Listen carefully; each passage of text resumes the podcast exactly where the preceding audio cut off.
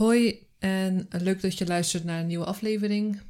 Vandaag weer twee verhalen, zoals gewoonlijk. En dan hebben we over twee vrouwen ehm, die een probleem hebben met hun eigen man. Mhm. Waar ik het over ga hebben is: ehm, ben ik een klootzak voor het weggooien van het eten van mijn man?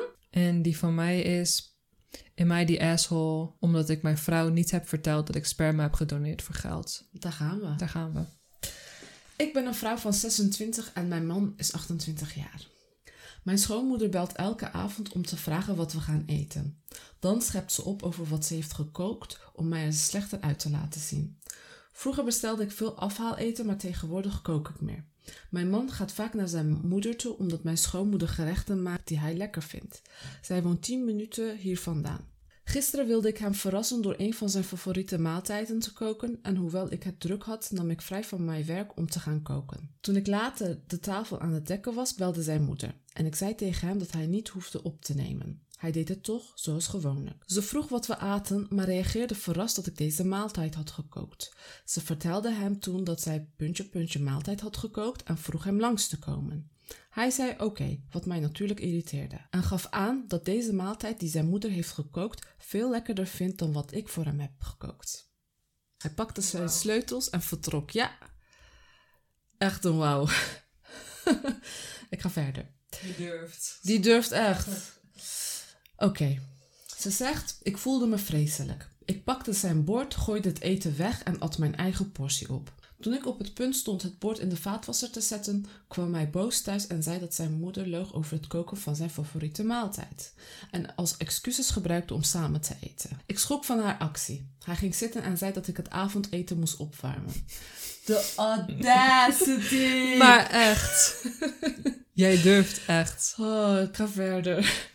Ik zei dat hij geen maaltijd krijgt, omdat hij mij alleen had achtergelaten en dat ik het eten heb weggegooid. Ik vertelde hem dat hij mijn tijd en moeite niet respecteerde en ervoor koos om in plaats daarvan met zijn moeder te gaan eten. Hij begon tegen me te schreeuwen en noemde me zielig en ging vervolgens naar boven. Ik had mijn woede en frustratie niet zo moeten uiten door het eten weg te gooien. Maar het voelde echt ondraaglijk en respectloos dat hij zo vertrok zonder nadenken. Hij kiest altijd zijn moeders gerechten boven de mijne. Ik wil één ding duidelijk maken en dat is het feit dat mijn man dit alleen doet als het om eten gaat. Hij woonde bij zijn moeder en houdt nog steeds van haar eten en is eraan gewend. Ze gaf mij recepten om het te maken en ik probeer dat te doen, maar hij wisselt steeds van huis om te eten waar hij zin in heeft.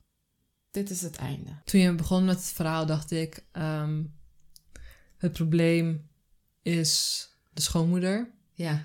En nu denk ik dat hij het is. Nee, zeker. Daar heb je echt helemaal gelijk in. Sorry hoor, maar ik moet even nadenken wat ik, wat ik wil Nou, zeggen hierover. Ik, ik kan zeggen dat hij gewoon kiest waar hij trek in heeft. Dus hij heeft gewoon twee vrouwen die voor hem kookt. Ene gerecht vindt hij net wat lekkerder. Dan kiest hij van, oké, ik ga dan naar mijn moeder toe. Want zij kookt, zij kookt waarschijnlijk beter. Maar dan ben je echt een respectloze puntje, puntje, puntje. Sorry, maar Ja. je vrouw staat in de keuken. Zich uit te sloven voor jou, jouw Ja. favoriete maaltijd te maken. Omdat jij telkens daarheen gaat. En dan durf je nog eh, last minute van gedachten te gaan veranderen. En dan Mhm. ergens anders heen te gaan. Mhm. En dan durf je nog terug te komen en zeggen warme eten op. Ja, hij is, eh, hij is het grootste probleem hier. Ik begrijp dat, dat haar schoonmoeder heel vervelend is door stoer te doen dat ze beter kan Ja. koken. Schoonmoeders kunnen ook gewoon beter koken. Dat is, dat is eenmaal zo. Maar eh, hij is er gewoon heel verkeerd mee omgegaan. Van ja, mama heeft een nog lekkere gerecht gemaakt dan jij. Dus ik ga naar mama toe. Ja. Zo komt het heel Ga erg lekker bij je over. mama huilen dan. eh. Hij is 28 jaar. Je hebt al heel lang van je moeders kookkunsten kunnen genieten. Nu heeft jouw vrouw een gerecht gemaakt die jij ook heel lekker vindt. Je hebt haar niet eens de kans gegeven. Je hebt dat, je hebt dat gerecht niet eens geproefd. Ja, dat is echt... Je bent verwend. Dat wilde ik zeggen. Dat, daar zocht ik naar. Je bent echt verwend. Verwend, respectloos. Ja, Ik vind het echt een... eh, ik weet niet. Waarom ben je zo verwend, Nes? Je klinkt echt als een baby van... Ik ren even naar mijn moeder toe. Omdat zij lekker heeft gekookt, doei. ja hij, kijk, ze geeft ook echt aan dat dat het meest ergernis is die ze meemaakt met hem.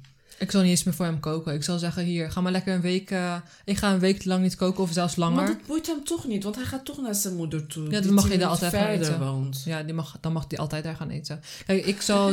misschien kunnen ze afspreken van... ehm, laten we een paar dagen per week zelf thuis koken. Ja. En de rest, omdat jouw moeder zo lekker kan koken, gaan we samen daar eten. In plaats van dat hij elke keer alleen daarheen gaat om te eten. Nou ja, ik weet niet hoe hun contact is tussen de schoonmoeder en de schoondochter. Het klinkt wel alsof het ge- dat er irritatie tussen die twee zit. En het gaat altijd om eten, zegt ze ook. Het is, hij kiest zijn moeders eten boven die van haar. Dat begrijp ik. Dat doen heel veel mensen. Dat is ha- hartstikke normaal. Maar waardeer gewoon je, eh, je partner als die voor jou heeft gekookt. Ja. Zeg tegen je moeder: Mama, zet het in de koelkast. Ik kom het morgen eten. Ja. Heel veel gerechten kan je de volgende dag eten. Zo simpel kun je het oplossen Ja. en dan doe je dat niet. Dan ben je echt een verwend nest. Sorry. Ja, is het ook. Wat zou ze moeten doen? Ik heb echt geen flauw heb ook idee. geen ik, had, idee. ik had echt, ik had sowieso ook chaos gecreëerd. Ik had ook gezegd: waar de fuck ga jij nu naartoe? Ik heb voor jou gekookt. Het is al ehm, irritant dat, ehm, dat die schoonmoeder steeds belt en Ja. zegt: Kom bij mij eten. Maar goed, misschien zo zijn schoonmoeders en ze kunnen lekkerder koken en ze weet, haar zoon vindt het lekker. Ja. En daarnaast, in plaats van dat haar man soort van haar steunt of zegt van jouw eten is ook lekker en maak je geen zorgen, doet hij zoiets. Dan gaat hij opeens weg als zij lekkerder of als eh, zijn moeder lekkerder heeft gekookt. Ja. Kijk, ik begrijp, ik begrijp dat hij zijn moeders kookkunsten boven die van haar kiest. Ik begrijp dat. Alleen, ergens wat ik niet begrijp is... Zij heeft echt tijd voor gemaakt. Zij heeft eh, jou, een van jouw favoriete gerechten gemaakt. Jij hebt niet de moeite genomen om het te proeven. Daar is waar ik me het meest aan irriteer. Dat is het meeste waar... Tuurlijk, jouw moeder kan zeggen... Ik heb, weet ik veel, dolma voor je gemaakt. Kom hier eten. Ja, Maar zeg tegen je moeder, mama, dolma kan ik ook morgen eten. Zet het in de koelkast. Ik ga vandaag, mijn vrouw heeft vandaag een hele lekkere gerecht gemaakt. Ik ga met haar vandaag eten. niet eens een favoriete gerecht. Als je vrouw heeft gekookt thuis, Ja. dan heeft ze gekookt en klaar. ja. Dus als je moeder belt, zeg je wat jij zei. Dus oké, ik kom het morgen ophalen, ik kom het morgen eten. Maar vandaag, vanavond hebben we wel eten thuis. Mijn vrouw heeft gekookt. Klaar. ja, Hoe ik- moeilijk is dat? kijk, ik, ik ga echt, ik ga me verplaatsen in die mans positie. Oké. Of ik ga me verplaatsen in haar positie. Ik, zou het, ik vind het niet erg als mijn man zegt van ik wil bij mijn moeder gaan Ik ook eten. niet. Dat vind jij ook niet erg. Het gaat ook al ben Ik zou zeggen, ik ga lekker mee. Ja, moeder kan Ja, super lekker koken. Dus het komt go. alleen maar goed uit. Ik hoef niet te koken. Precies, maar dat, dat, dat is... Zo moet je het ook kunnen bekijken eigenlijk. Maar wat zij heeft gedaan, wat echt niet door de beugel kan, vind ik, is eten weggooien. Gewoon goed, lekkere eten weggooien. Had ze niet moeten doen. Nee, maar schoonmoeder ook, niet- had ook niet moeten zeggen dat ze eten had wat ze niet heeft. Klopt. Ja. Daar kan ik niks van zeggen. Je hebt gelijk. Ja, maar ja, dat was dus...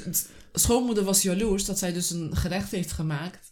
waarvan zij niet had verwacht dat de schoondochter dat kan maken. Ja, ik ben het inderdaad met je eens wat je net, wat je net eigenlijk zei met ehm, maak gebruik van, eh, van je schoonmoeders kookkunsten Absoluut. en ga lekker daar samen eten. Dus doe Ja. gewoon een paar dagen per week samen daar eten en hij moet de rest thuis eten. Het hoeft geen wedstrijd te zijn. Ik had echt, als ik zo'n schoonmoeder heb, zou ik er echt van benutten. Z- zij mag er een wedstrijd van maken, des te beter, want dan gaat ze nog lekkerder koken.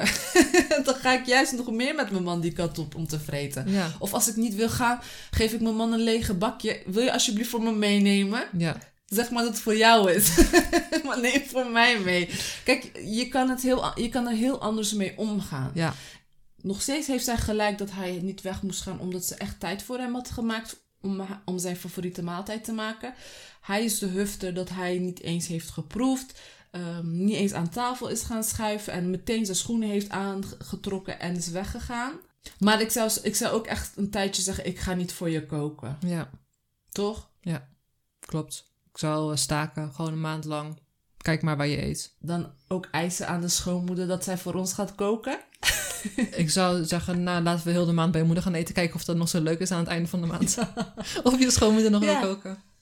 Dat is een hele goed idee. 30, 31 dagen lang elke avond naar je schoonmoeder gaan. Jij wilt stoer doen, toch? We zijn toch een gezin, we, gaan zijn- samen. ja. Maar schoonmoeder wil stoer doen. Van ik maak lekkerder. Als Ik zij maak laat, beter. Precies, en als zij laat zien dat zij het ook lekker vindt, dan zal en hun band verbeteren Ja. En uh, zal ze vanaf nu ook voor haar koken. Ze moet, het, ze moet er heel anders mee omgaan. Ja, ze moet zeggen, oh schoonmoeder, je hebt zo lekker gekookt. Ja, geweldig. Het is zo lekker en waarschijnlijk is het ook lekker. 100%. Ik kom mee, maak extra, ik ben daar. Ja, dat is een hele goeie. Dat, dat moet je dus echt doen. Dus als je een irritatie hebt, moet je er een positieve vibe in steken, zodat het um, eigenlijk voor jezelf beter moet uitkomen. Mhm. Zij denkt, je schoonmoeder denkt, ik irriteer haar. Het is een wedstrijd, maar jij moet profiteren. Ja, en, en dat verbetert jullie band. Plus mensen die wat ouder zijn, die zijn nou eenmaal zo. Ja. En je moet gewoon even met ze meegaan. Ja. En een paar keer zeggen dat haar eten echt super lekker is, weet je wel. Dat is ook goed voor haar. Dus Oh, ik wil zo'n schoonmoeder. dat is ook gewoon goed voor haar. Dus eh, Ik wil een schoonmoeder die alleen maar kookt en met mij een wedstrijd speelt. En dan ga ik juist naar haar toe van, wat heb je gedaan? Je krijgt een team voor mij. Kijk mijn eten. Kijk, ik heb pasta gemaakt. Zo vies. en je hebt prachtige eten eten lekker. gemaakt. Oh. Ja, ik denk dat, dat, dat ze het te serieus neemt. En dat hoeft eigenlijk ook niet. Nog Nee. steeds is hij de hufter, niet zij. klopt. Aan het begin eh, dacht ik, ehm, wat een groot drama. Mhm. Maar nu denk ik, als je er slim mee omgaat, dan kan je het gewoon oplossen. En jij, moet, jij bent wel degene die het moet oplossen en geduld moet hebben. Dus dat is een beetje jammer, maar het komt goed. Wij neigen heel snel naar het negativiteit. Dat Ja. merk ik ook eerst als ik naar een verhaal lees en dan voel ik die negativiteit van de schrijfster. En dan als je er eigenlijk meer over praat en denkt, kan het eigenlijk veel anders. Ja. Dus ja, Positieve draai aangeven. ja ik zou zeggen benutten. Lekker heel erg benutten. Ja. En dan hoef jij niet meer te koken. Kom jij naar huis, douchen, ga je met z'n tweeën naar de schoonmoeder, bab, eten en dan weer naar huis. Love it. Love it, zo makkelijk. Gaan we naar de volgende. Yes. Ja. En mij die asshole, omdat ik mijn vrouw niet heb verteld dat ik sperma heb gedoneerd voor geld. Ik kom niet uit een rijk gezin. Ik ben arm opgegroeid en ik heb keihard gewerkt om te komen waar ik nu ben. Toen ik begin twintig was, deed ik alles om geld te verdienen. Toen ik erachter kwam dat je met sperma doneren geld kon verdienen, deed ik dat. Rond deze tijd ontmoette ik mijn vrouw. Ze is een rijke luiskindje. Haar ouders zijn rijk en ze heeft haar hele leven toegang tot hun geld gehad en is de enige erfgenaam van het rijkdom. Dus ik heb het haar nooit verteld. Maar ik bleef zo vaak mogelijk sperma doneren voor ongeveer 90 dollar per keer. Dit heb ik gedaan tot ik haar ten huwelijk vroeg. Haar ring heb ik betaald met het geld dat ik heb verdiend met doneren. Oh shit, Wow, ja. waarom zijn mannen zo? We zijn dus vijf jaar getrouwd. Vijf jaar later, oh mijn god, oké. We zijn dus vijf jaar getrouwd en ik heb een goede baan die goed betaalt. Dus gisteravond waren we met vrienden bij elkaar en sommigen van ons begonnen te praten over de dingen die we moesten doen om geld te verdienen toen we op ons dieptepunt zaten. Ik zei dat ik bloed en sperma verkocht. Iedereen dacht dat dit een grap was, behalve zij. Ze werd boos en begon ernaar te vragen.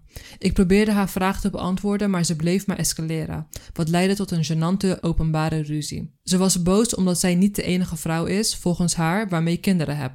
Ik probeerde te argumenteren dat de kinderen die met mijn babybeslag waren gekookt, niet eens weten dat ik besta.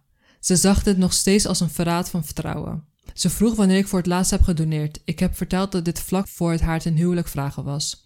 Ze wachtte hiervan en bleef de uitdrukking andere vrouwen zwanger maken gebruiken. Ik beschuldigde haar van jaloers te zijn zonder reden. Ze vertelde me dat ik jarenlang tegen haar heb gelogen en nu praat ze amper met me. En dan nog extra info wat hij later heeft toegevoegd. Ik ben een gesloten donor. Wat betekent dat mijn informatie nooit zal worden verzonden naar de mensen die gebruik hebben gemaakt van de donatie. Dat is wel een goede toevoeging. Dat vind ik wel belangrijk om te weten. Maar ja, dat was het. Wat vinden we ervan? Wat vinden we ervan? Ehm, hij geeft aan dat hij wel met haar een relatie had. Eh, en zelfs tot en met de huwelijksaanzoek zijn babybeslag eh, heeft verkocht. En Mhm. dit niet aan haar heeft verteld. Dat stuk stoort mij wel een beetje. Dat soort mij heel erg.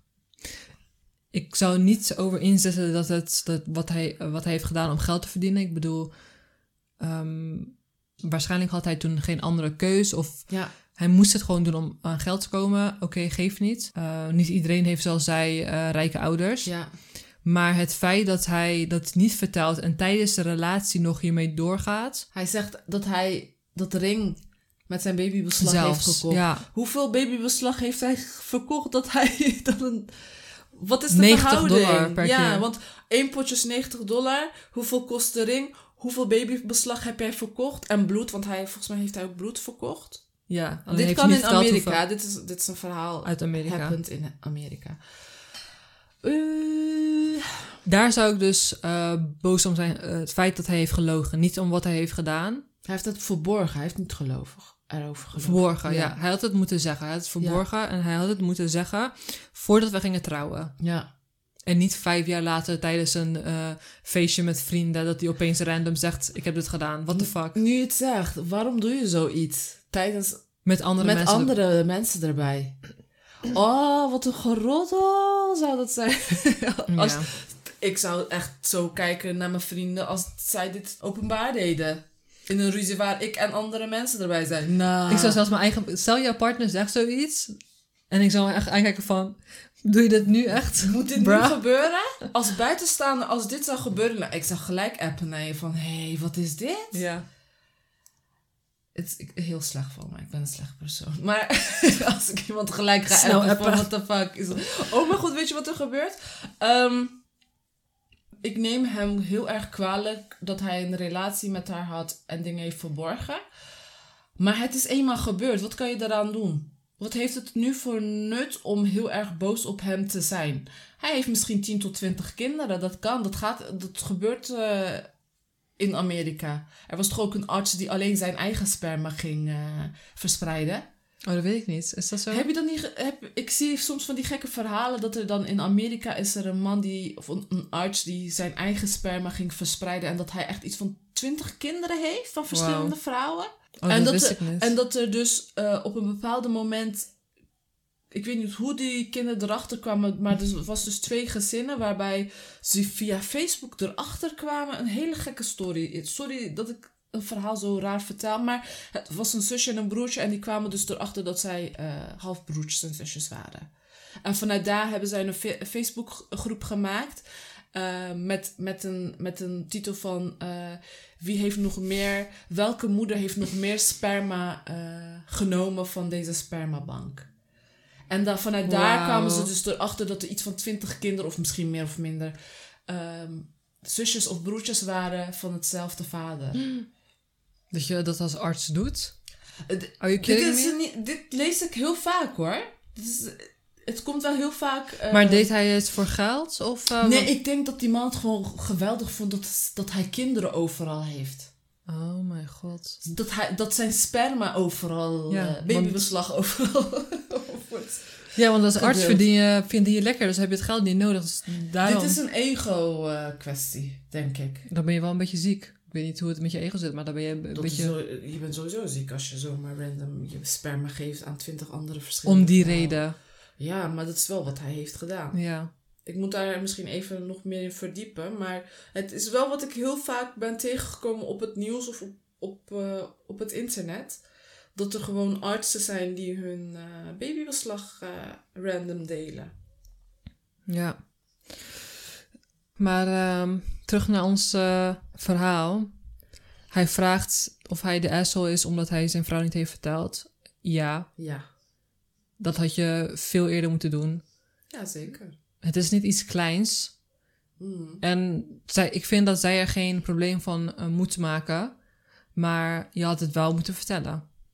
Ik denk wel dat het heel belangrijk eh, zou zijn in het begin van de fase waarbij ze elkaar hadden ontmoet. Ja. Ik denk dat als zij er eerder achter kwam en gelijk haar mening had gegeven, dat hij misschien eerder was gestopt. Ja, 100%. Toch? Waarschijnlijk wel. Waarschijnlijk wel, ja. En het idee dat hij met dat geld haar een ring heeft gekocht. Ja, is dat is een leuk. beetje nee. Nee. Ik zou het ook niet leuk vinden als, als ik er achteraf achter kom dat jij met jouw babybeslag mijn ring hebt gekocht. Ja. Weet je wat ik ook vind is, ik weet niet hoe zijn eh, situatie was. Hij zegt ook dat hij niet uit een rijk gezin komt. Maar hij gaf ook aan dat het zijn diepste punt was. Maar het gaat, kijk, dat, wat, er, wat hij heeft gedaan is niet erg. Hij zag een toekomst met haar. Was dan gewoon eerlijk tegen haar geweest. Ja. En misschien had zij dan gezegd van... Ik hoef niet dat ring waar jij mee eh, dat geld hebt verdiend. Ja. Misschien had zij jou ook financieel kunnen helpen. Waarom niet? Bepaalde Dus, relaties kan ja. dat gewoon. Dat een vrouw ook een man financieel kan helpen. Tuurlijk. Als zij die middelen heeft, waarom niet? Ja, want jullie houden toch van elkaar. Wat zou jij met die ring doen? Ja, ik heb nou eenmaal. Ik bedoel, eh, en ik heb waarschijnlijk leuke... dragen. Ja, ik heb een leuke herinnering waarschijnlijk aan, eh, aan mijn ring. Ja. Maar ehm, ik zou hem niet opeens eh, wegdoen of zo. Ik zou meer boos zijn om het feit dat hij zoiets belangrijks niet tegen mij heeft verteld. En dan, als hij het zegt, zegt hij het in zo'n Rarig. situ- Omgeving. ja, omgeving met zoveel eh, mensen. Daar zou ik meer boos om zijn. En later, als we rustig zijn, zal ik echt praten over: oké, je hebt het gedaan. En dan kan hij uitleggen van: oké, het was gesloten. Mhm. Eh, wat geeft hij aan? Dus dat hij geen informatie. Gesloten, gesloten donor. Ja. ja. Want dat is ook wel iets belangrijks. Ik moet er niet aan. eh, ik, kan er wel, ik kan het wel accepteren, maar ik moet er niet aan denken dat het zo'n open eh, donor is geweest. Dat hij telkens berichten krijgt van: hé, hey, je bent mijn pa, hey, je bent mijn pa. Dat is niet de bedoeling. nee. dat, kan ik, dat, dat, dat vind ik eh, moeilijker om, om te accepteren. Maar dan had hij dat ook op tijd moeten zeggen. Stel, het was wel een open hij was wel een open donor. Dan had hij dat veel eerder moeten Mhm. zeggen. Maar hij is nu een gesloten donor. Dus hij dacht, ja joh, ze hoeft het niet te weten. Ja, En ik weet niet wat de regels zijn in Amerika. Dat is volgens mij juridisch heel erg goed in elkaar gezet. geen idee hoe dat daar is geregeld. Maar het zal vast niet dat een donor opeens de 10.000 te erfgenaam of zo heeft. Eh, dat denk ik niet. Nee, dat is u- waarschijnlijk heel goed geregeld, ehm, juridisch gezien. Maar wel lachen dat als jij straks wel kinderen met hem hebt, dat hij gewoon eigenlijk biologisch gezien nog steeds nog heel veel broers en zussen kan hebben. Ja. Het is, van, het is wel een, een gek gedachte. En ik snap ook dat voor iemand best wel, eh, voor een vrouw, Ja. ehm, best wel heftig kan zijn om zoiets in één keer te horen. eh, of over na te denken überhaupt. Maar Ja. geef haar tijd. En ehm, Is het wel iets om je huwelijk te beëindigen? Ik vraag dit heel vaak bij de podcast, omdat ik het wel een interessant onderwerp elke keer vind. Van is dit een reden om een huwelijk te beëindigen? mm, nee. Ik zal, het is wel, eh, hij mag nu echt zijn best gaan doen om mijn Ja. vertrouwen terug te winnen. Maar het is niet een reden om mijn huwelijk te eindigen, vooral als ik vijf jaar ben getrouwd. Ze hebben geen kinderen gehad, Vian, hè? Zelf hebben ze nog geen kinderen. Volgens mij niet, nee. nee. Nee. Zou jij je hu- eh, huwelijk beëindigen? Omdat het een gesloten donor is, omdat hij dat vanaf het begin als gesloten donor heeft gedaan, zou ik het niet beëindigen. Maar als het een open donor was, dan moest, moet ik daar echt heel hard over nadenken. Ja. Want dan had hij dat echt op tijd moeten zeggen. Ja. En zoals ik al zei, het is gebeurd, dus dat ring zou ik ook gewoon dragen, whatever. Ja. Dat is niet zo'n huge, grote, dat is niet zo'n groot probleem. Maar het zit dus, ehm, nee, het is wel gewoon apart en bizar het, om een gedachte te hebben dat hij al kinderen heeft ergens, waarvan hij zelfs ook niet weet. Ja. Helemaal niks van af weet. Of hij nu een dochter of een zoon heeft. Want biologisch gezien, als ik wel een kind met hem heb, hebben die broers en zussen. Hoe zit dat? Moet, zij komen dan, dan ook niet achter. Nee, als je als, ze, ehm, geen informatie mag delen, dan mogen zij het ook niet eh, ehm, weten, waarschijnlijk. Dat denk ik tenminste. Nou ja, het is dan goed geregeld, dus niemand... Ah, maar wacht. Nu ga ik echt naar die creepy. Stel je voor. Oké. Vertel. Stel je voor. eh, mijn man en ik krijgen een dochter of een zoon. We krijgen een dochter. Mhm. Maar deze man, mijn man, hij heeft zijn sperma weggegeven natuurlijk. en hij heeft ergens kinderen ge- gekregen en heeft een zoon. En op een of andere gekke, rare manier deed mijn, deed mijn, deed mijn dochter met zijn zoon. Dat is heel erg. Want dat is je halfzus en halfbroer. Ik ga Vader is hetzelfde. Vader is hetzelfde. Alleen andere moeder, dat is je halfzus toch? Of je halfbroer? Ja, want die is een paar jaar ouder dan jou, jouw kind. En die ontmoeten elkaar. Ik eh, keek laatst een serie eh, Nieuw Amsterdam. Ja. En toen was er ook zoiets aan de hand. Ze kwamen bij, een, eh, bij de psycholoog van het ziekenhuis. En ze waren verliefd op elkaar. Ze wilden net gaan trouwen. En hadden zo'n zo'n test gedaan. En dan kwam uit dat ze opeens dat ze broer en zus waren. En ze wilden Nee. net gaan trouwen. Ja, dat, dat was ook echt heel erg. Maar dat doet, me, dat doet me daaraan denken wat jij nu vraagt. Ik weet dat heel veel landen dat doen, hè. Dat voordat zij gaan trouwen... nee, zij moeten- hadden zelf zoiets gewoon voor de grap gedaan. Ik weet dat, dat er in Turkije ook zo is. Ik weet dat volgens mij in Egypte is dat ook zo. In bepaalde landen is voordat jij gaat trouwen, doen ze eerst even een bloedtest en kijken ze eh, of je gezond bent. En vervolgens, als allebei gezond zijn, mogen ze gaan trouwen. Dus waarschijnlijk wordt er ook gekeken naar DNA. Klopt.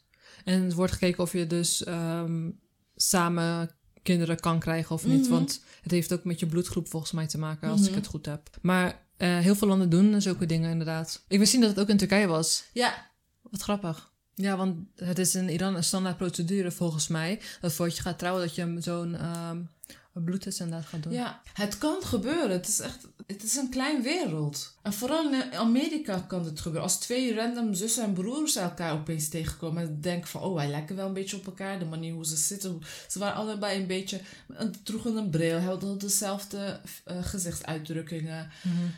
En toen dachten ze van, zullen we dan... Toen was er dus een gesprek geweest van... ehm, ik heb geen vader. Ik kom uit een spermdonor. en die andere zei dat precies hetzelfde... waaruit, waaruit ze samen een DNA-test hadden gedaan. Mm. Maar als het twee lovers... Lovers tussen haakjes twee vrienden, vriendinnetjes zijn... Dat is best wel heftig, want stel je voor, je bent stapelverliefd Ja, en ehm, je gaat trouwen met de liefde van je leven. sorry, ik moet echt lachen. en dan last minute, What the fuck? je wereld stort in. Dat is ook gewoon liefdesverdriet, want je kan niet met elkaar gaan trouwen. Dus je, gaat, je moet uit elkaar. Dat is ook liefdesverdriet. D- Daar moeten ze wel met z'n twee over hebben. Echt dilemma's en dilemma's eh, is het. Ja. Dus eh, je had het eerder moeten vertellen en eh praat met elkaar. Het is gelukkig een gesloten, je bent gelukkig een gesloten donor, dus het komt goed. Het komt goed. Je had het alleen eerder moeten vertellen. Het heeft even tijd nodig om deze informatie te verwerken voor haar. But you are an asshole. Ja. Toch? You are an asshole. You are a baby beslag asshole. Oké, dan gaan we het afronden. Yes. Mocht je een eh, leuk verhaal hebben, Dan kan je ons mailen naar gekleurdegedachten.gmail.com Of je kan ons volgen op Instagram, gekleurde lagensteepje gedachten. Of je kan ons appen of een voicemail sturen naar... 06 49 27 5776. Nou, tot de volgende. Tot de volgende keer.